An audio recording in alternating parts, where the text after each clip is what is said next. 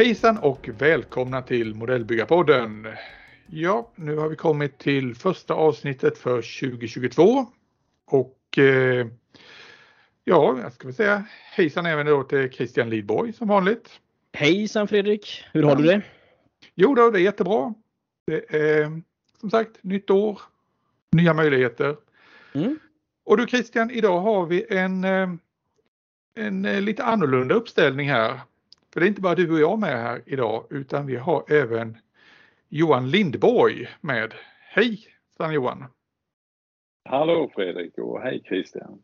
Hej Johan! Skönt att ha dig med oss. Eh, vi kör som sagt en, en liten trippel idag. Eh, och eh, vi hoppas att det ska kunna fungera väl när vi faktiskt väl spelar in och att det funkar som det förväntas. Så välkommen till podden! eller välkommen tillbaka till podden får jag ju säga för du är, du är faktiskt den första som, av våra gäster som har kommit tillbaka. Som vågar sig på en andra, andra omgång. ja, man tackar för förtroendet. Ja. Och eh, Johan, att du är här idag det är för att vi, du och jag vi ska ju eh, försöka lära Christian bygga en båt hade vi tänkt. Det är väl lite syftet med det hela. Men innan vi börjar med det, vad eh, händer på era respektive byggbord? Johan, vad händer hos dig? Eh, just nu händer två saker. Jag håller på med en sån här Star Wars-modell från Bandai. En, en, vad heter de? AT, ATST. Och så jag mm. göra en liten bas till den. Uh, jätterolig. Det är en sån här som man, jag bara öppnade kartongen och sen bara faller alla bitarna på plats.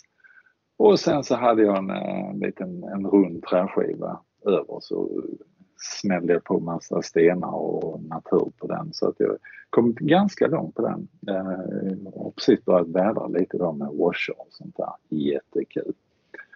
Eh, ska, så, den, ja, det... förlåt, ska den vara i Ewok country eller kommer den vara i lite jag, jag tänker, eh, jag vet inte vad den, ja Ewoks, den här lite gröna planeten. Mm, mm, mm. Ja. Alltså att jag vill ha den här frodiga grönskan, den här krigs, gråa krigsmaskinen står där ja. mitt i allt det ja. ja då, då kör du inte på den idén som jag presenterade för dig igår. Att eh, Nej, kör, ja. Entreprenadmaskinsgul med Volvo BM-logga på sidan. jag hade redan kommit så långt i min, liksom, jag hade grundat den och förberett alltihopa så, så kommer du med den här, i och för sig genialiska idén. Men tänkte, nej, jag, jag får ta det till nästa. Jag har faktiskt en till obyggd så varför inte? Varför inte? Ja. Eh, mm. ja, sen har jag en, en Bismarck också. Eh, vi pratade om det innan. En, eh, ja, vad är det, en ny Bismarck från trum, trumpeter. Riktigt, riktigt fin. Och så har jag köpt på mig en massa ets och mässing och lite resin och trädäck. Men mm. det går långsamt. Men vad är skalan? i, vad är skalan? bygget då? Ja, det, skala är 350 gram och den lär väl ta ja, ett halvår minst. Minst bygga, det tror jag. Mm. Det blir många pausbyggen under tiden. Ja men det är lite så man får göra faktiskt. Alltså, det är så kolossalt mycket ets och sådana här saker som man, man tröttnar lite på det och då behöver man någonting annat. Mm. Mm. Ja. ja. Christian, vad har du på ditt bord nu? Ja?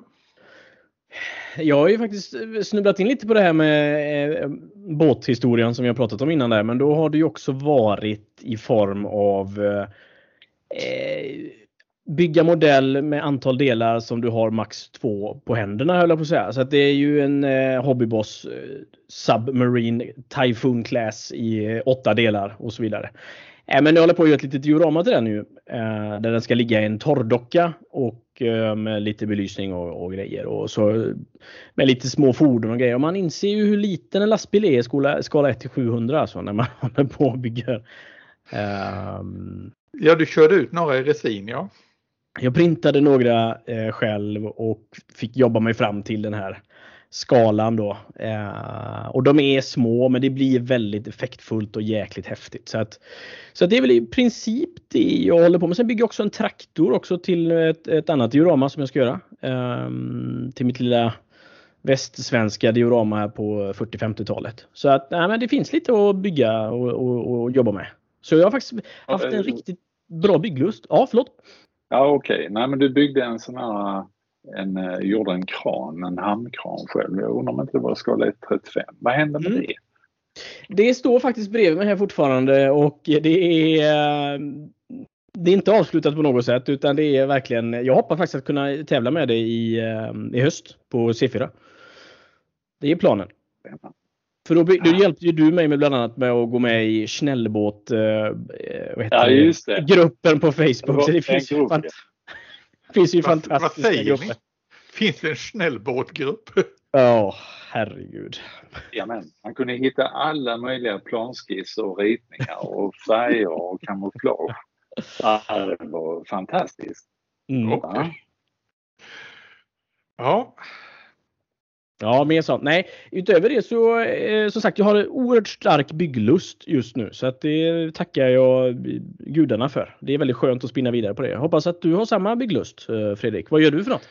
Ja, jag har väl ett par saker eh, på gång. Jag gjorde ett diorama färdigt nu här precis i mellandagarna och mm. eh, efter det så tänkte jag behöver ha ett litet sån här pausgrej så jag tog fram en Bandai eh, modell helt enkelt av en, eh, ja vad blir det, det är väl någon sån här eh, eh, ja, det är någon slags robothistoria. Och den jag, jag ska bara slänga ihop det för jag vill, jag vill måla och vädra. Mm. Men eh, det projektet har tyvärr växt så nu finns det ett helt diorama planerat kring den. Så det, då behövde jag en paus ifrån det. Eller rättare sagt, det var när färgen torkade. Så då satte jag igång och bygga en båt faktiskt också. Ja. Så det blev en eh, det blev en sån här liten eh, Chibi Chibi Maru eh, från Fujimi. Mm. Så det ska väl det ska väl bli roligt att få ihop den. En liten det är en liten, liten, liten japansk tonaktig sak eller? Precis. Mm. Det är ton. Ja, kul. Nej, men det känns som att vi bygger eh, som aldrig förr. Att eh, bygglusten är här för att stanna och det känns jätteskönt. Jag tänker att det är också någonting som vi behöver prata om det här som du sa där Johan. Att hur bibehåller man bygglusten i, i gigantiska projekt? Eh, när du pratar om Bismarcken här. Eh, hur gör man och vad gör man under tiden och när tappar man fokus och så vidare. Så ja, det ska bli spännande att höra mer om detta. Ja. Ja. Och nu som sagt, ska vi, vad säger ni, ska vi ta och kasta oss över dagens ämne? Mm. Det tycker vi. Ja. Ja Christian, du har ju tjuvstartat lite och sen har, vet jag ju, du har ju haft en eh, liten modell av Bismarck liggande ett bra tag här nu för att värma till sig på hyllan. Mm. Och vi har ju pratat om det där flera gånger. Hur ska du göra för att börja bygga, bygga båt? Ja, precis. Så eh, ja, då ska väl jag och Johan, vi ska väl försöka hjälpa dig med liksom alla tankar, allting som behövs kring båtbygge. Så mm. vi förutsätter väl här att du inte egentligen har köpt något liten Bismarck utan att du bara står inför det här. Jag vill bli med båt. Det vill jag, helt klart. Ja. Ja du Johan, var börjar vi? Ska vi börja med det här med skala och vad är det för båtar? Ja, det vi... tycker jag. Det är väl, ja. det är väl kan... lämpligt egentligen. Ja, vi kan väl också säga det att vi kommer begränsa oss till eh, maskinfartyg. Vi, vi struntar i segelfartygen idag för det är, en, det är, en, e, det är ett eget helvete i, höll jag på att säga. Men, men eh, ja, det, det, finns ju två skalor tycker jag som är bygg, byggvänliga. Det är 1 till 700 och 1 till 350. Eh, och vi har mm. väl provat båda, båda skalorna Fredrik och jag. Och jag mm. själv och jag tror Fredrik också egentligen har väl vi tycker nog att 350 är en sån här härlig skala att jobba med. Den, är, den blir rätt så rejäl i skala, eh, i storlek. Bygger man ett stort slagskepp så blir det faktiskt lite eh, detaljerat och eh, ja, det blir lite en imposant modell när man väl är färdig med den. Märk väl när man väl är färdig med den. Ja.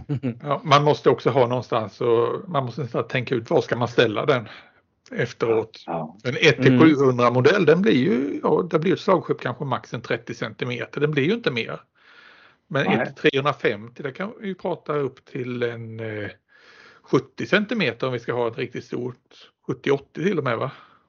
ja, jag tror min Bismarck nu var på nästan 80 centimeter. Det är, det är ju rejält.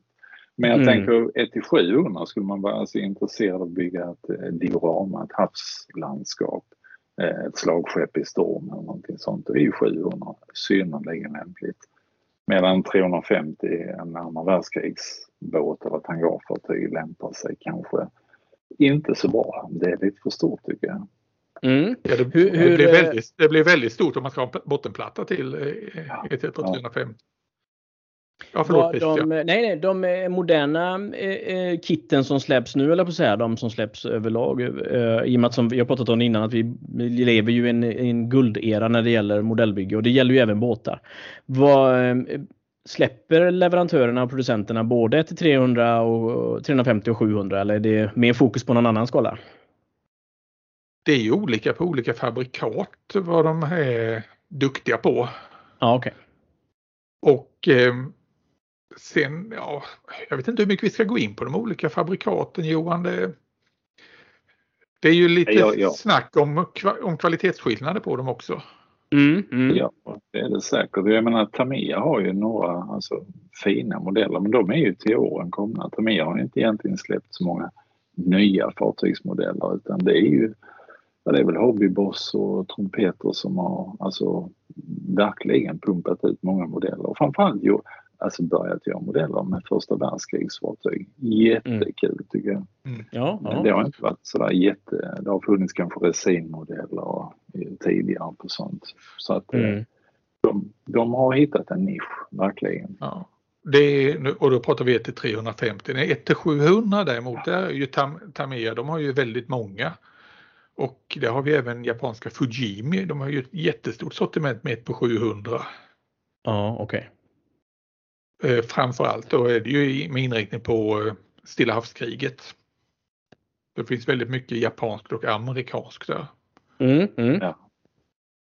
Ja, spännande. För jag kan ju Ja, se det- tjusningen i de här Dreadnought-liknande sakerna från första världskriget och sen också naturligtvis så eh, det lilla man känner till om båtar. Men jag menar om man slaget om Midway eller liksom det finns ju ändå en relation till, till andra världskrigsbåtar som, som man kanske inte har till första världskriget. Även om, jag kan förstå att båda två lockar. Liksom. Men hur är det med moderna maskiner? Byggs det också? Släpps det också?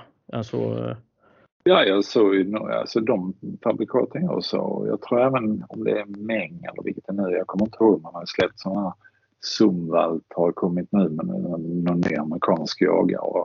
Eh, Mm. Någon ja, kustnära, modern, ser nästan science fiction-artad ut. Såna jaha, okej. Jag vet inte vad de heter, Ja, amerikanska det är de här stealth-fartygen som de har. Ja, ja, Ja, ja. okej, okej. Ja. Men Och där kan man ju också brittiska. Ja, det är ju också en grej att eh, moderna fartyg och framförallt då de som är kanske lite mer udda, vill man ge sig på dem, då är 1 Mm. på 700 lättare att hitta fartygen i för det finns mer så här firmor som gör eh, sådana modeller i till exempel resin. Ja, okej. Lite moderna. det är, ja. ja. och då är det ju om man tänker en liten källarfirma, man, ge, man kan ge ut en eh, resinmodell i 1 till 700 och den är hanterbar men motsvarande 1 till 350 det är nog få som vill ge sig på den grejen. Det är några få Mm. företag bara. För det blir, det blir stort och det blir tungt och det är massor. Ja, men det kan jag tänka mig. Men då kan man ändå hålla sig till, eh, till eh, de här som sagt Hobbyboss och Trumpeter för att kunna hitta fram till en väldigt fin modell liksom. Ja, jag Ja. tror det. Där, där finns en eftermarknad också som är alltså snabbt växande.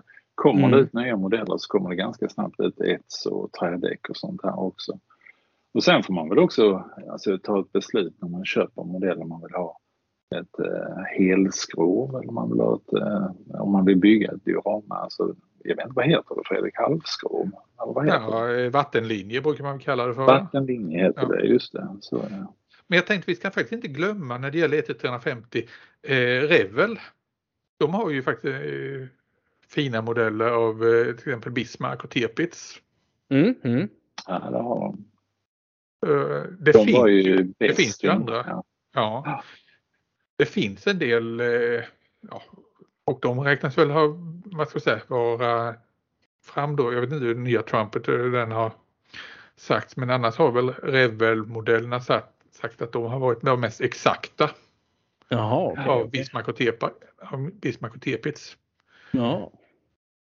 Det är Sen tur att det är just en Revell som jag har då, som jag köpte med Bismarck. Det är fantastiskt. Mm. Och sen har jag ju Annars- köpt eftermarknadspipor och de är ju så pytte, pytte, pytte. Och jag vet att ni två Ja. håller på med, med både 20 mm Akan i 1-700 och så vidare. Så att, ja, men det är, så, det är så litet så att det går inte att... Ja. Men jag vill säga en sak också just när det gäller Revel och en del andra sådana här. Där kan man få lite så här äldre modeller som egentligen är tillbaka till gamla 60-talsmodeller. Om de är i de här udda skalorna. Mhm. Som 1 till 563 eller liknande. Ja, ja, ja, ja. Och de är ju inte, de är inte 1 till roliga. 600 var väl vanligt innan? 1 till 1 till 600 är ju en gammal klassisk skala och det var ju framförallt Airfix som hade den. Mm. Men de modellerna är ju till åren komna. De är inte, de är inte roliga idag. Nej, nej. Det känns ju nästan som att en mellanskala eh, Men det är också det här som vi pratar om. Hur stora är maskinerna i verkligheten kontra då naturligtvis i sin skala sen. För att det är ju väldigt stor skillnad på att bygga en, en tysk eh, andra världskrigsubåt 1-700 kontra något modernt hangarfartyg eller på så här idag. Storleken är ju så stor skillnad liksom. Ja, och hur mycket detaljer vill du lägga på den sen i, i slutändan? Mm, mm. För det är, Jag, och jag, jag tycker det är just när det gäller fartygsmodeller att eh, många av de kitten man köper är bra men de kräver nästan alltid lite extra i hets. Det är sällan man får med, ja, numera har ju trum, trumpeter och hobbyboss har ju med relingar och sådant, eh, kanske stegar och sånt. Ja, okej. Men tidigare så var det bara mest plast och då blev det så grovt så att ganska ofta tycker jag man behöver investera i kanske ett trädäck, eh, några kartor med ets i alla fall för att få upp Mm, lite mm. hoppa modellen. Vill ni berätta lite om eftermarknaden där då? Jag tänker du säger ju trädäck och du säger ju fotoets och vad, vad kostar det och vilken effekt får man och så vidare. Och så vidare. Alltså effekten tycker jag är, det är stor skillnad. Eh, Tänk dig om du bygger en modell då som är 80 cm lång, en Mm. Bismarck, och så har du då inga relingar på den. Bara det att du får upp relingar överallt runt alla nedre däck och övre däck och runt eh, master och mastkorgar och så vidare. Det gör jättemycket. mm. Eh, Likadant eh, man tänker sig en radaranläggning. En grovgjuten plast på en radar jämfört med en ja, tunn och fin i ets. Det, jag tycker det gör, alltså det gör jättestor skillnad. Mm. ja, och även vapen, om vi tar luftvärnsbatteri och liknande, det märkte jag ju när jag byggde Prince of Wales GT350 Ja. att i byggsatsen i den gamla Tamiya-modellen så var jag tror eh, de här eh, pom-pom kodguns, Pom-pom, var, ja. ja, de bestod av fyra delar eller någonting i byggsatsen. Sen när jag ersatte det med mässing då från Edward så var det ju alltså det var ju 30 plus delar i, på varje. Jaha. Ja. Det blir jag, jag kommer ihåg att du la ut de bilderna på eh, när Ja. du hade vikt ihop allt. Alltså de var ju helt fantastiska. Det var Mm. verkligen alltså, det var eh, så nära man kan komma verkligheten. Mm. Jag Och det blir ju ett var- litet konstverk i sig nästan bara en sån liten installation. Då. Det blir ju, eh, ja, men jag kan Ja. verkligen se tjusningen i det. Verkligen alltså. Ja, Men, och sen, eh, sen, dess, nybörjare- sen, dess, sen dess kan jag ju säga har det ju kommit en del eh, såna här 3D-printade grejer som gör det ännu bättre faktiskt. Ja. Så, Ja, då slipper man ju eh, riskera att misslyckas och vika ihop det också. Utan man får det. Jag såg sådana pompom-artilleri då liksom där det var 3D-printat och det var, ja, det var helt sjukt bra gjort alltså. Mm. I skala 1 till 350. All right. och bästa kombon är nog liksom en kombo då av till exempel 3D, resin och ets. Mm. Men eh, eftermarknaden, ja det finns ju hur mycket som helst. Ja, jag kan tänka mig det. Och som sagt, jag köpte ju kalla pipor till, till eh, Bismarcken här och de är ju försvinnande små. Men det är ju som ni säger reling och den biten. Men sen har jag också sett att ni drar ju lina. Ni drar... eh, Ja, Tamp, vi, rig, ja. vi, ri- vi riggar alltihopa. Ja, just det. Och det har ju blivit Efter fantastiskt. bästa förmåga. Ja. Nej men det är också en sån där bit. Jag tror, jag tror vi återkommer till det här med riggningen lite senare. Men Mm. visst, det är också en viktig grej alltså för det estetiska. Ja. Men som du säger Johan, att det, det här med att få dit eh, reling och sådana prylar, det gör otroligt mycket på ett fartyg. Ja, Mm, mm. Och ja, det, det är ju så att på E ET350-modellerna då, som du sa från Trumpeter och Hobbyboss, där följer det med reling. Men köper Ja. du en ET700 från eh, samma bolag så följer det sällan med reling och sådana prylar. Utan då ET700, så den ett som följer med brukar vara väldigt rudimentär. Mm, mm. Där får man nog köpa till en hel del. Ja, just det. Och vad är det för pengar då? För ni, och sen pratar ni om trädäck också. Det har jag ju sett filmer på. Det verkar ju fantastiskt läckert att se den här äkta träet liksom växa fram på en uh, Bismarck eller på något annat japanskt maskin. Eh, Jag brukar vara brutal och säga att eftermarknadsgrejerna kan lätt gå på dubbla eh, priset på byggsatsen. Mm. Ja, jag, jag såg det nu senast när Bismarck jag byggde, eller håller på med. Ehm, Då köpte jag själva modellen, den gick väl på precis 500 kronor och sen så hittade jag en hel sats där det var med mässing, hur mycket mässing som helst och ett eh, där var eh, trädäck och där var, eh, vad var det mer, En- ja lite resingjutningar också. Mm. Och det gick ju på, ja, det dubbla som Fredrik säger. Men det Ja. var det värt. Absolut. Men det är ju lite som vi har pratat om innan också, att hellre då att, att, än att ha en full stash. Att man köper ett objekt som man verkligen vill ha och vill bygga och så köper man till de delarna och extra och eftermarknadsmaterial man vill ha. Så eh, tror jag att det blir ett jätteroligt bygge, verkligen. Ja, och så kan man ju själv välja vad man vill använda. Man behöver inte, har man 12 ark med så man kan ju välja vraka. Tycker man att här, här lämpar sig, då använder man det. Men är det Mm. någon liten ventil runt en, en, hytt, en hyttventil eller något sånt, ja, Mm. det gör varken till eller från. Och sitta och sätta på 50 sådana, nej då skippar jag hellre det. Mm. Mm. Ja. Det kan, vi också, det kan jag också nämna att det finns ju ett företag som gör fantastiska 1-700 modeller. Det är ju Flyhawk. Okej.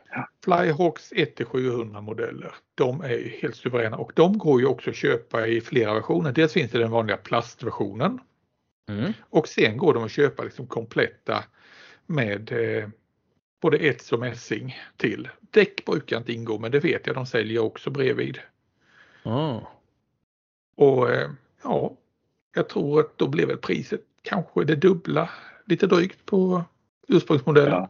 Mm. Mm. Ja, jag håller med. Jag har provat en Flyhawk, en Charmhost och det är, när man tittade på gjutningar och gälds, det är nog den, den finaste fartygsmodell jag sett. Helt magisk. Men eh, Mhm. lite för litet för mig. Ja, det är ju som jag brukar säga att det, det är en Flyhawk-modell, det är en 1-300 modell nerskalad in absurdum till 1-700. Allting är- som hade varit med i 1-350 det är med i 1-700 där. Ja. Ja. Spännande, spännande. Så de är ju, och de har dessutom lite roliga fartyg. De har ju en del från första världskriget. Så jag jag tror, vi, pratade, vi pratade om det innan just att fartyg, att eh, om man inte är totalt dedikerade fartygsist så får man Mm. nästan eh, man får dela upp byggena lite. Det är rätt bra att bygga en period på ett fartyg och sen kan man bygga något annat. Ja. Jag tror man kan bränna ut sig lättare på en fartygsmodell har jag märkt än, än andra typer av modeller. All right. Det, det Vad, så- vill, vill ni berätta lite hur man bygger en, eh, ett fartyg? En, en Mm. båtmodell? Ja. ja, för det första är ju det här som vi sa, det här valet. Ska man ha den med fullt skrov eller ska man göra en vattenlinje? Det är ju första grejen. Mm. Och där har du ju Johan byggt mer vattenlinje och jag har byggt mer fullt skrov. Ja, jag har alltid byggt fullskrov. Det är bara det att eh, varje gång jag har byggt färdigt så tänkte jag att den här hade varit fin. Har ju varit det. Så, då har jag alltid tagit frigolit och skära ut på hela skrovet. Ja. Ja, du är ju duktig på det här med att göra hav också så det, du har ju det, det plusset. Jag har inte vågat mig på den biten än. Så Ja, jag sätter alltid det på ett par mässingspinnar istället. Ja, ja, men det kan du jättegärna berätta för mig hur du gör det för det blir jag alltid imponerad av. Ja, det är egentligen inte så svårt. Alltså det är bara det att jag ska ha en eh, bra bottenplatta, en bra träskiva i botten. Och sen, Och, och den plattan behöver inte vara den du ska ha finalt så att säga. Nej. ja, det behöver jag inte ha utan det ska vara samma mått. Jag, bestämmer, jag tar helt enkelt och sätter två stycken eh, skruvar två stycken maskinskruvar, det brukar vara M6 eller något sånt där, ganska långa, som jag eh, sätter i botten på skrovet och sätter fast där med epoxy. Så de sticker ut ner och de ska jag sen då trä ett eh, mässingsrör kring i slutändan är tanken. Men under själva arbetet så eh, skruvar jag fast det här då i en eh, vanlig spånskiva som jag har två hål. Så då har jag en, eh, vad ska jag säga, byggjigg kan vi kalla det. Mm. Ja, det är ju smidigt. Och det är rätt så praktiskt för då kan jag utan vidare vända och vrida på den. Jag har någonting att hålla i när jag målar och liknande. För annars så vet jag att jag kommer alltid sätta en tumme någonstans i det där nymålat och det vill jag absolut inte. Ja. Nej, för det, det, har jag tänkt på flera gånger och sett att du gör det. Jag har liksom alltid gått den omständiga vägen, sitta och hålla i modellen. Eh, funkar inte sådär jättebra för då riskerar man att få den här tummen lite här och där. Mm. Ja, det, det fina i kråksången med att ha det så här också tycker jag sen är att då kan jag genom att använda till exempel ett eh, skruvstycke eller liknande tilta hela modellen när jag håller på att montera någonting. För det sitter hela tiden fast. Jag har den här plattan och eh, hålla det hela i. Ja, just det. Och, nej, men det, det, är en sån här sak att tänka på när man ska bygga, att ha en bra jigg. Och det vet jag ju de som har byggt vattenlinjer. Det finns ju gamla böcker som jag har sett där man har gjort eh, hål i botten, typ nyckelhål. Mm. Um, och sen monterat det här lilla vattenlinjefartyget för då brukar det vara en bottenplatta även i den. På en eh, skiva då på två stycken skruvar så man liksom bara trycker ner den och drar den lite åt sidan så låser mm. den där tillfälligt. Så har man en, ja, ja, ja. en liten byggplatta. Mm. Ja det är ju fiffigt för det kan ju vara samma sak för, för pansarbyggare också. Eh, och Johan du fuskar väl med, lite med pansar emellanåt också och det, hur, hur, man håller i Ja, hur man håller i dem generellt sett. Så det här är ett väldigt bra eh, knep faktiskt. Det måste jag säga. Ja, jag såg han eh, den där, den har vi väl alla tittat på, Uncle Night Shift. Han, mm. Eh, han, han, han, bygger ju, han sätter ju sina också på plintan så att säga när han bygger och målar. Jättesmart. Mm. Jag tänkte att du ska göra nästa gång också. Mm. Ja, verkligen. Ja, den del, den del, om vi ska ta det sidospåret med pansar, det har jag gjort ett par gånger bara för att kunna måla. Har jag borrat ett hål i botten för jag ser ju aldrig undersidan på stridsvagnen lik förbaskat. Nej, och sen har jag vänt på processen att då har jag epoxylimmat fast en mutter mm. i botten. Så har jag, kan jag stå, ha den skruven och eh, hålla ja, fast för det var nog så han hade gjort också. Han hade lagt en mutter och sen han skruvat fast underifrån så det, för att lättare kunna hålla. Det var riktigt bra. Och är tillbaka till Shepard Paynes gamla bok om att bygga dioramer där han eh, förespråkar det här. För då använder han samma hål sen när han väl ska montera stridsvagnen på landskapet för att hålla fast den. Ja, okej, okay, okej. Okay. Ja, det var ju fiffigt. Löser han hela problemet med att försöka limma fast det. Ja, ja, för nu eh, min sista Centurion-bygge så tog jag faktiskt en gammal kamera tripod, vad heter det, kamerastativ.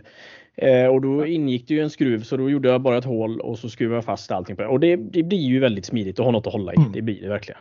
Uh, jag kan ta en bild och lägga ut på Insta sen. Nej, men det ja. har faktiskt fungerat. Mm. Nej men det var, det var ett sidospår. Men, ja. Om vi ska tillbaka till det här då. Mm. Uh, ja, fullskrov eller vattenlinje. Och att uh, ja, det är det här förberedelsearbetet vi måste ha då. Det man ska tänka. Ja, och sen, sen måste man ju alltså inleda med att titta igenom ritningen väldigt noga och fundera vilka delar av detta kan jag bygga i subassemblies. Det här, de här bitarna kan bygga ihop och mm. dessa kan jag vara för sig. Det är nästan, eh, det var det som tog längst tid att klura ut tyckte jag när man skulle bygga ett skepp. Att, att det är inte som till exempel bygga en stridsvagn, där smackar jag på alltihopa, sen målar jag. Utan här är det extremt många subassemblies, däck för däck. Uh, många små detaljer man behöver bygga ihop och kanske måla separat. Eller ja, vad tänker du där Fredrik? Mm. Ja, man bygger, man bygger ett fartyg i princip inifrån och ut på något sätt. Ja. Mm, mm. Ja. För jag ser ju framför mig de här, om man tittar på ett större slagskepp så är det ju då ett, någon form av torn där, där eh, eh, fartygshövdingen står. Och så finns det ju fler sådana torn och så vidare. Och så vidare. Jag tänker det är sådana som man kan... Du skrattar Johan. Det är såna... Jag bara tänkte fartygshövdingen, det var ett skönt. Kan vi införa i marinen, amiral och fartygshövding? Men det är Ja, sådana ja. typer av subassemblies ni tänker på då? Och så, eh, Ja, och det ska ju sen då kunna eh, liksom målas på ett logiskt sätt för det är ju väldigt pilligt. Så om du ska måla ett, eh, en bit så kanske du ska måla däcket sen. mm, mm. Eh, om det är brygga till exempel, så kanske det däcket ska vara i, i någon färg. Samtidigt då som eh, när man tittar på den från sidan, det ska vara i en annan färg. Och då måste man ju kunna komma åt och måla det här också. Och det är det som Mm. är det jäkligaste av alltihopa. För det går inte maska Där i alla är lägen. fördelen Christian. Där är Mm. fördelen att ha trädäck. För då målar du alla de här delarna i den här säkerligen vanliga gråa färgen det brukar vara. Eller kamouflage sätt. Sen lägger du på trädäcket. Ja. Och då är ju alltså allt målat och då kan man ju behandla trädäcket med lite wash och sådana här saker. Ja, Det okej. är okej. riktigt bra. Eh, annars så får man ju liksom eh, maskera ja, in absurdum på olika Ja. sätt. Att komma åt målen. Ja, det går inte eh, i vissa fall alltså, Nej. att eh, maska heller för att eh, det kan vara pelare och olika Ja. typer av balkar och grejer som är i vägen. Mm, mm. Och det är inte alltid det trädäck det rör sig om heller. Det kan vara linoleumdäck nu om vi pratar stålfartyg. Det införde man ju ganska tidigt. Ja, okej. Sen, sen tänker jag också att en del av, antar jag att byggprocessen är också att ta bort plast. Där det ska vara ett eller det ska vara något annat eller och så vidare. och så vidare. Jag tänker att man måste rensa betydligt mer om man nu väljer att använda eftermarknadsprylar. Eh, Gör man inte det så... Japp. Och det kan vara väldigt knepigt emellanåt. eh, Särskilt då att till exempel linjera kanoner så att de ligger rakt och liknande. Mm, mm. Hur gör ni då för att ta bort eh, små, små, små detaljer på, på plasten? Ja, ofta har jag har ju sådana på skott, alltså väggar på ett fartyg. På skott så är det en massa med gjutna detaljer. Det kan vara rör och sånt. Ibland ska det ersättas av eh, alltså etsbitar. Och då får Mm. man skära med någon form av eh, jag har såna här skalpeller som är helt flata. De är himla bra. Det är som en hyvel. Det funkar perfekt. Ja, okej. Sen limmar man på etsen ovanpå det istället. Sen. Mm, mm, mm. Ja, det skiljer det- sig lite. Det är en sak jag brukar göra, precis som du Johan, att eh, ska man ha dit en massa sådana prylar, jag går ju över hela med och ringar in det jag ska ha väck med en blyertspenna först så att jag, man inte glömmer. Det är alltså jämföra noga mot alla beskrivningar. Ja, right, right. Ja, för det, det kräver ganska mycket. Alltså jag har märkt det, att man planerar innan man börjar bygga. Eh, Jag vet, kommer, den vi byggde, Fredrik, vad heter den? Cesarevic? Cesarevic, ja. Ja, den ja. Det var ju liksom första att nu ska jag komma igång och bygga fartyg. Ja, det, det, nej, det var inte alls. Det hade jag liksom inte planerat. Och det var många moment man fick gå tillbaka och klia sig i huvudet. Och så. Det blev så omständigt att bygga på det viset. Ja, Mm. och Sen väldigt, mycket, väldigt, mycket, ja, väldigt mycket torrpassning också.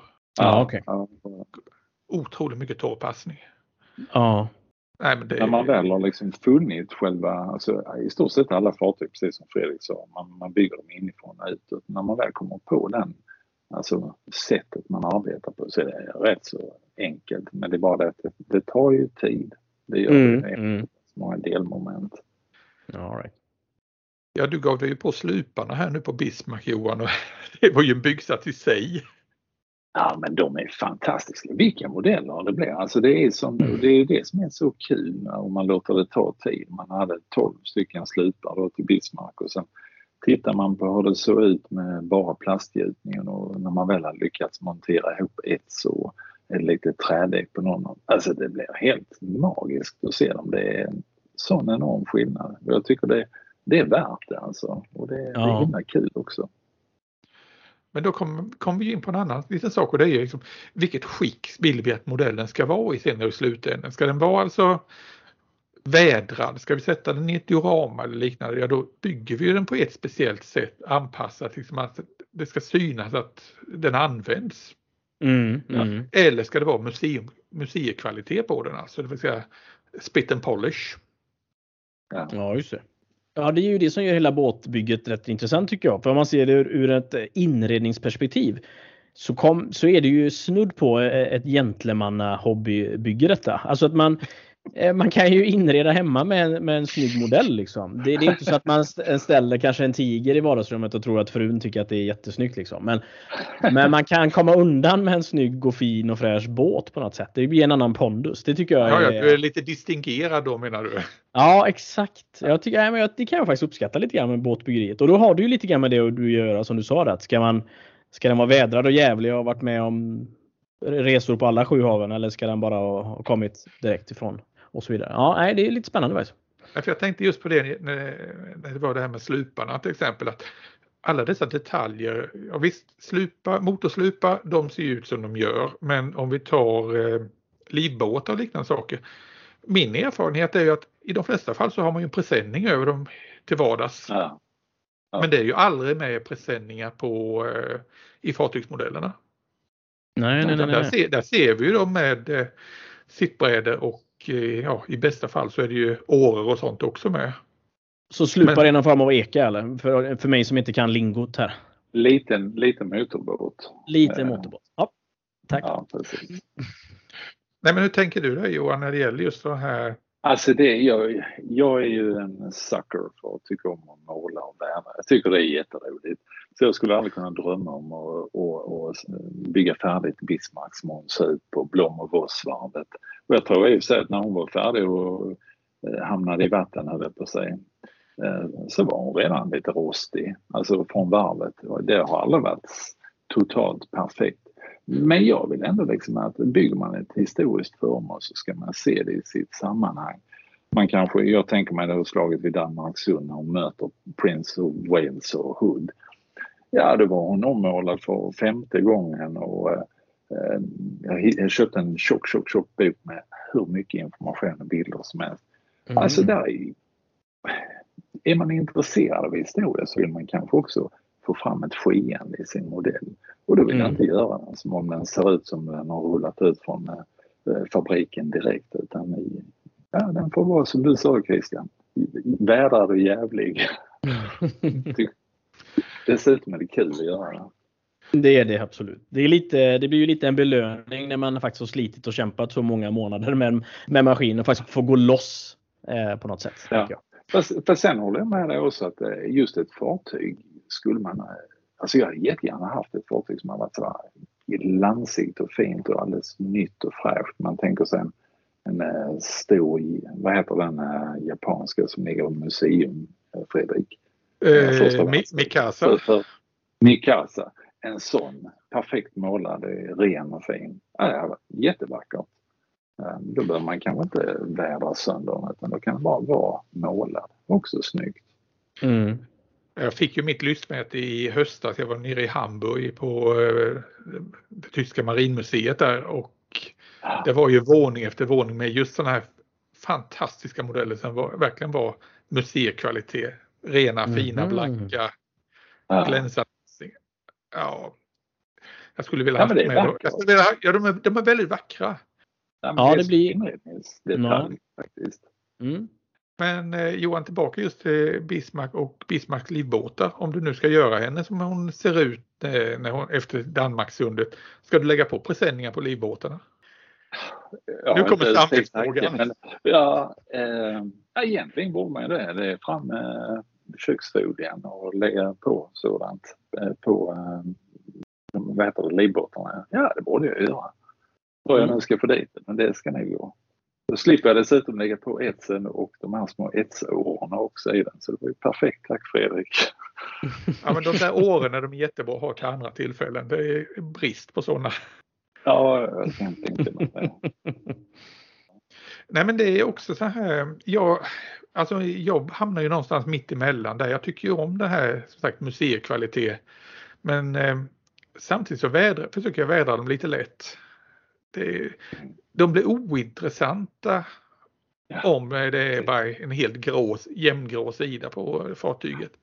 Mm. Det måste vara lite modulering och lite skuggor och lite rost och sådana saker. Så det, ja, jag, jag har kanske inte hittat mig själv riktigt än. Jag jobbar på det.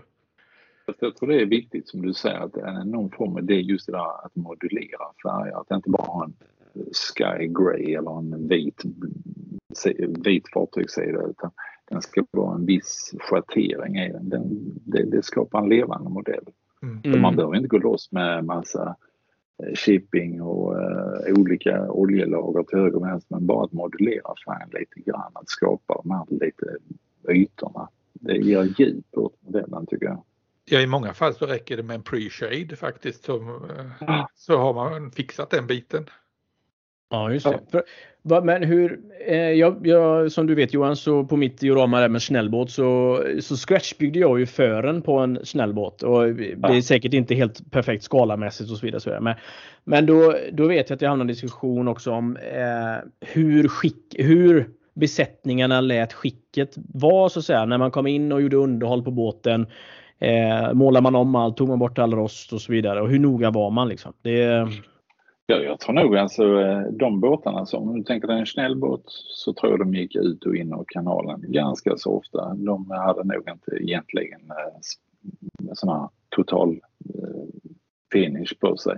Nej. Och tittar man på nu från andra världskriget när de varit ute sin patrullrunda ute på Atlanten och kom tillbaka så såg de ut som ja, fruktansvärda. Man kan se bilder, de är så rostiga så att du kan liksom inte överdriva en vädring på en Nej, okay. uh, Medan då större fartyg tror jag nog, men jag har sett foto liksom där besättningen hänger ner för sidorna och målar om under tiden de är ute. Ja, okay. man, ja, det beror ju helt på när också i kriget. Mm, alltså mm. en amerikanskt fartyg eh, ja, mitten på december 41 de är, de är fortfarande spit and polish. Det är fortfarande jättesnyggt. Ja. För innan Pearl Harbor, de amerikanska matroserna hade inget annat för sig än att hålla på och måla och måla och måla och putsa på dem. Nej, nej, nej. nej, Men när det blev skarpt läge, då, var det, då hade man inte riktigt tid med det. Mm. Så de chanserar ganska snabbt. Mm. Jag såg faktiskt en bild på ett amerikanskt, en amerikansk eh, fregatt eller en robotkryssare som varit ute i under ett års tid, alltså en modern och mm. kom tillbaka och skulle gå in i hamn. Den, ja, den ser förfärlig ut. Där vi tänker oss de här våra kära roststreaks som har dragit ner. Alltså den är så rostig. Och det är ändå ett mm. modernt och nytt fartyg. Så att det är en synnerligen obarmhärtig miljö för ett fartyg att befinna sig på stora hav. Mm. Ja, men det är lite, det är, det är lite som det här vi har pratat om, det här Berlinmonstren med JS2 i Berlin 45, mm. att de kan se förbannat hemska ut i sin värsta miljö. Så det är faktiskt ändå lite kul. Men det ger ju också den här lite artistiska friheten att man faktiskt kan gå ja. loss lite grann och vädra lite som man ja, känner. Det är inget som är rätt och inget som är fel liksom. Nej, och där kan man ju faktiskt på fartyg gå ännu längre eh, om man har lite större skala. Nu har ju du börjat testa det man kallar för oil canning. Det vill säga ja. stress på plåtar. Ja, ja, ja, just det. Det vill säga att... Eh... Alltså att det buktar in eh, ja, mellan ja, ja. de här olika plåtarna så blir det inbukningar. Ubåtar kan man se ganska ofta att eh, längs skrovsidan så är det som att eh, inbukningar. Mm. Ja, väldigt ofta. Och för, fören på de flesta fartyg. Eh, och ja, även slagskepp. Ja. Ja, ja. Men det kräver nästan att man vet lite grann hur en båt byggs upp också. För jag tänker att då, är, då bygger man plåtvis eller en gånger en meter eller tre ja. gånger tre meter och så vidare. Och... Den, den typen av detaljering finns ju inte på båtarna, alltså på våra modeller. Utan då får man egentligen gå in en ritning för att se liksom var alla de här skarvarna var. Ja. Och det, visst man kan göra det men Eh, nu har jag en stor, jag kommer inte ihåg vilken, 1 till 72, en jagare. Eh, Nej, 144 är det väl Fletcher? Ja, 144 är det, absolut. Mm. Ja, Den kan man hålla på med. Har jag bättre koll på din stashen nu? Ja, jag, jag kommer inte ihåg hur stor den är. Eh, men där har jag hållit på med en skalpell man drar liksom längs sidorna för att skapa oljkan. Jösses. Knappt en tredjedel. Ja, det är dedikerad byggare, verkligen. Spännande. Ja, men det, jag kommer nog bara göra på en sida. Andra sidan kommer inte göra det på Nej. Ja, det kommer stå en liten skylt. Domare tittar endast på eh, styrbordssidan. ja, precis. Ja. Ja, nej men, nej men du har lite mer styr koll på just det här med vädringsmässigt och hur man, för som sagt det är ju en obarmhärtig miljö för uh, stål och plåt naturligtvis.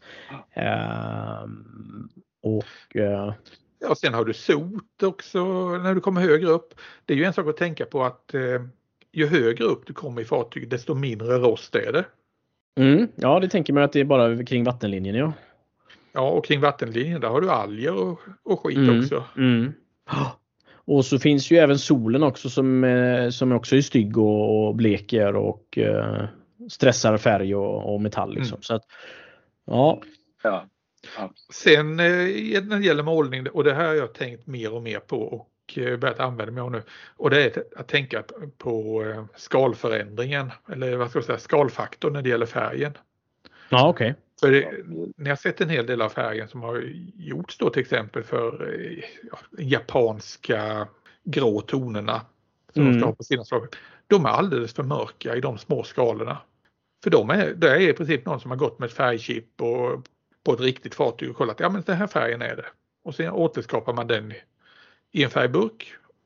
Och visst den funkar jättebra i 1 till 1. Men den funkar väldigt dåligt i 1 till 700. Ja, upplevs den ljusare eller mörkare då? Nej men det blev, det blev Ja, väldigt ja. mörkt. Väldigt, Ja, väldigt ja. mörkt. Ja. Så man får ju ljusa upp färgerna. Ju mindre skala desto ljusare färger måste man jobba med. Ja, just det. Ja, nej, men det är en intressant tanke faktiskt. För det är ju inte osällan att man köper eh, RAL-färger och som du säger, är det RAL då i skala 1 till 1? Eh, hur blir den då i... Och det är därför det kan skilja väldigt mycket, tänker jag, färgmässigt också mellan färgleverantörer och producenter. Att de, man tänker olika där liksom. Det kan ju Mm. skilja jättemycket med samma RAL. Eh, eller PMS-färg. Liksom. Ja, det skilde säkert på en fabrik på den tiden också och hur länge ett fordon hade varit ute. Som du Mm. Ja. Alltså det, färgerna var inte säkert så pigmentsäkrade som de är idag. Nej, Och nej. i, i många fall så har vi inte ens koll idag på vilka färg, hur färgerna såg ut.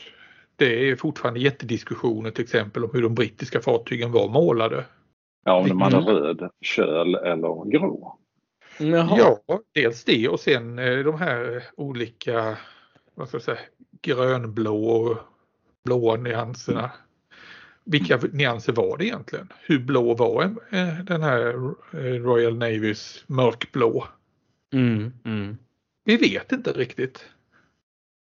Så att summa summarum är egentligen att man, man målar ungefär som man känner och det man, man tycker själv blir ett fint resultat. Mm. Vill man väva så är det upp till var och en.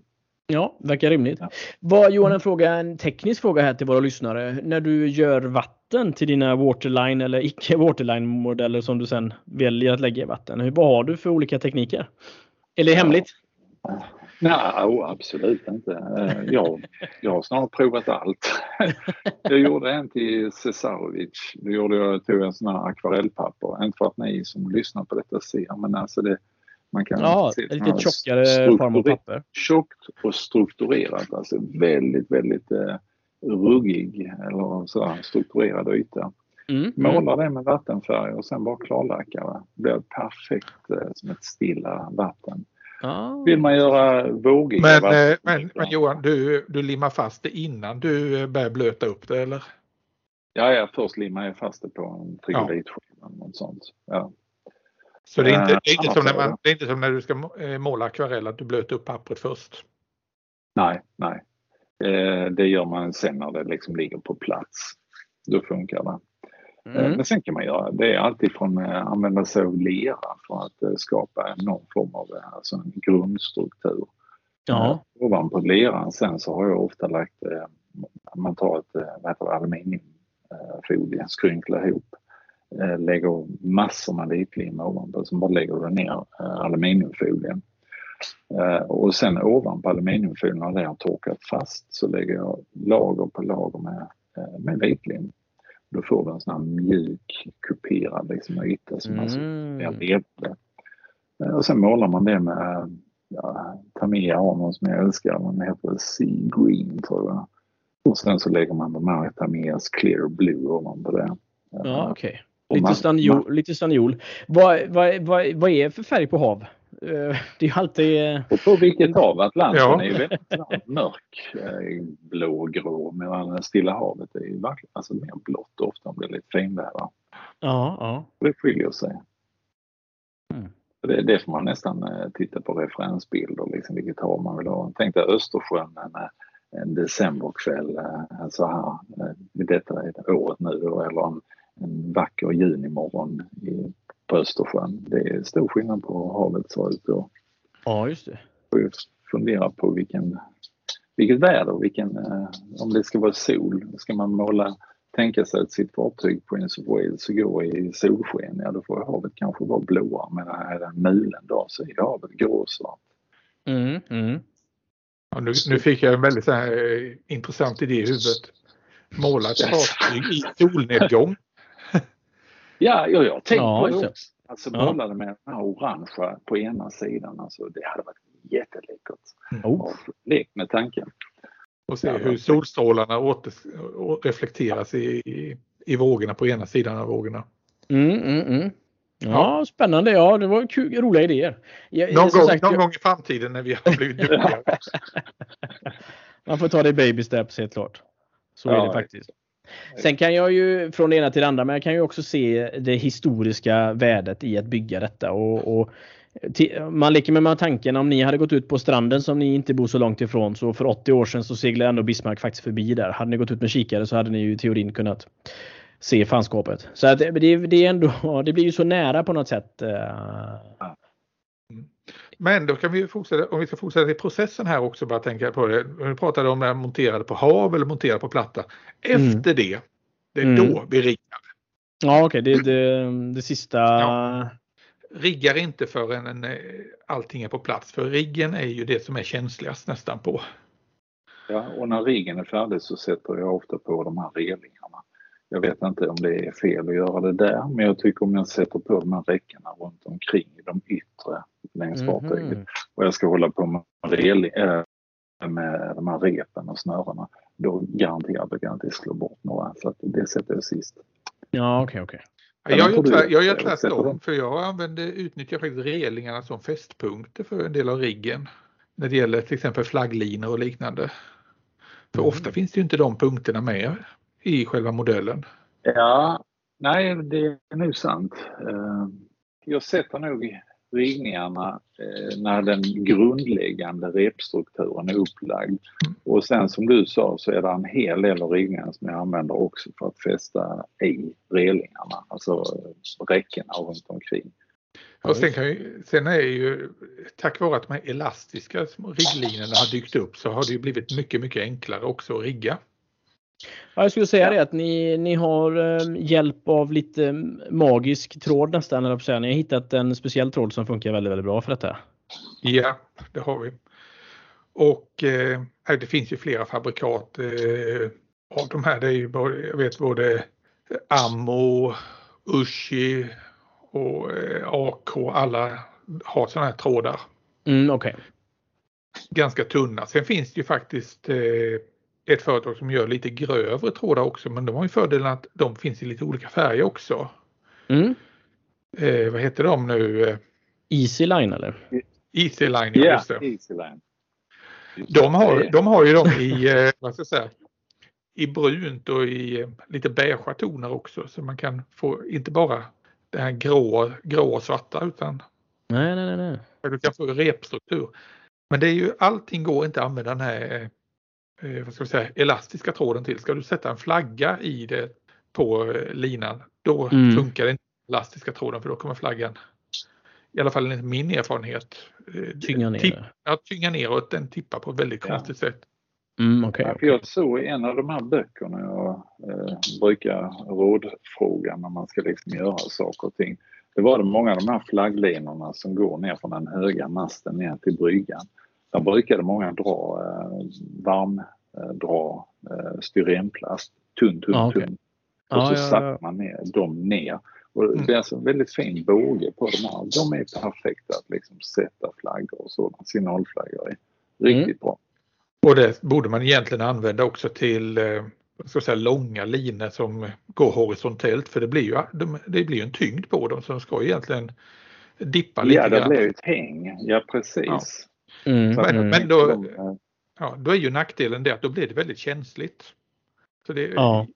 För mig så har det varit att okej, jag får ge avkall där på realismen. För jag, ja, jag kan inte hantera det helt enkelt. Nej, nej, nej, nej, nej. nej. Jag drar, nej, av, jag drar av tråden annars. Ja. Men är den känslig den här uh, Easy line-tråden eller? Nej. Nej. Den, den är väldigt, väldigt, alltså stöter du till någonting eh, med något verktyg, de, de eh, rör sig hur bra som helst och de Mm, verkligen okej. ger efter. Eh, Ja. De sitter verkligen bra. Du kan Men ju jag tö- tänkte- töja dem ett par hundra procent alltså. Ja, Ja, okej, det kan okej. man säkert. Men jag tänkte, mitt mål bygger den här Bismarck, det är att använda varmdragen styren på, på de här, för att få det naturliga fallet på de här långa linorna. Mm. Ja, jag ska försöka få till det. Det ger ett eh, mer realistiskt intryck. Och nu är den så Men jo- Men Johan, då, har du, då kommer du ha mässingsmaster väl också? Yes, och de eh, sviktar inte som de här plastmasterna. För där har vi nämligen nä- nästa problem. Att eh, plastmasterna, de, de ger efter för vad ska jag säga, eh, kraften i, i den här gummitråden. Fredrik, vad använder du för lim? Jag använder CA-lim. Samma, ja. CA-lim och eh, min lilla applikator. Min lilla Mm. symål. Den som Den vi har berömda. kopierat. ja. ja, den berömda sytrådsapplikatorn. Nej, men det här är väl egentligen, har vi gått igenom allting? Eh, ja, eh, vi har pratat eh, mycket om, eh, om, om lite, eller på att säga. Det finns, ju, det finns ju väldigt mycket mer att prata om förstår jag. Eh, det känns som att Ja, vi det, har här, snuddat, det här snuddat var vid ämnet. Ja, precis. Vi har snuddat vid ämnet har vi gjort. Ehm, eh, och det ställer ju en del frågor också. Men jag tänker att vi kanske... Vi är inte sista gången vi träffar Johan, tänker jag, och pratar mer om detta. Nej, det är alltid trevligt. Alltid andra gången. Det är jättetrevligt. Men jag måste bara säga liksom Christian, alltså ge den en chans att köra igång med ett fartyg. För det är, nu har jag Mm. provat allt. Till och med nu sist så byggde jag en motorcykel, vilket jag sa att det ska jag aldrig i livet göra. Men det var någon som skickade en sådan till mig, men det var himla kul. och, och just fartyg är alltså, det, det är kul i, eh, om man tar det i små steg och sen så gör man någonting annat. Det, Ja. det är himla ro, rofyllt bygge, måste jag säga. Både nog, jag tror att det är nog bland de mest disciplinerade, vad ska jag säga, byggkategorierna. Man måste vara väldigt, väldigt eh, disciplinerad när man bygger fartyg. Ja, jag körde till och med ner till, till Jula och köpte sådana här verktygslådor med lock med små, små fack i. Och i dem så kan man, här har jag livbåtarna och här har jag alla kanonerna och i den har jag luftrörspjäser. Alltså det hade inte gått annars att ha det här vanliga byggbordskaoset. När man Nej, nej. Nej, men vad Ja. spännande. Eh, jag tackar ödmjukast för informationen och lärdomarna och jag kommer naturligtvis testa detta. Jag har ju beställt fler ubåtar. Det är ju uppenbarligen min eh, grej med de här eh, åtta delars Ja, det är kul. ubåtarna. Men, det är roligt. men jag ska våga mig på Bismarcken någon dag här också i 1700. Ja, Jag hoppas du känner dig eh, vad ska jag säga, laddad och peppad här nu, att vi inte har skrämt dig. Det har ni verkligen inte, utan tvärtom. Utan, nej, och jag blir väldigt sugen på hav faktiskt. Jag kan ju, Nej, jag skulle precis säga det. Det hade du fixat hur lätt som helst. Nej, det tror jag inte, men det jag kan se i tjusningen är att försöka. Ja, nej, ja, verkligen spännande. Men eh, ska vi ta och runda av här då? För Mm. då har vi pratat i ungefär en, ja, en timme snart tror jag det är. Ja, Typ. Stackars Johan ska få återgå till Ja. sin eh, vardag och familj. Och, eh, Man ska laga middag. ja, okej. Ja. Men tack så väldigt mycket Johan. Tack själva. Tusen tack Johan. Så eh, hörs vi framöver. Och tack till dig med Christian. Det Tack, var Fredrik. roligt att få snacka även den här gången. Jajamän, Som som vanligt. Ha en fortsatt fin kväll vänner, så hörs vi. Ja, ha det gott. Hej då. Hej, hej, hej, hej.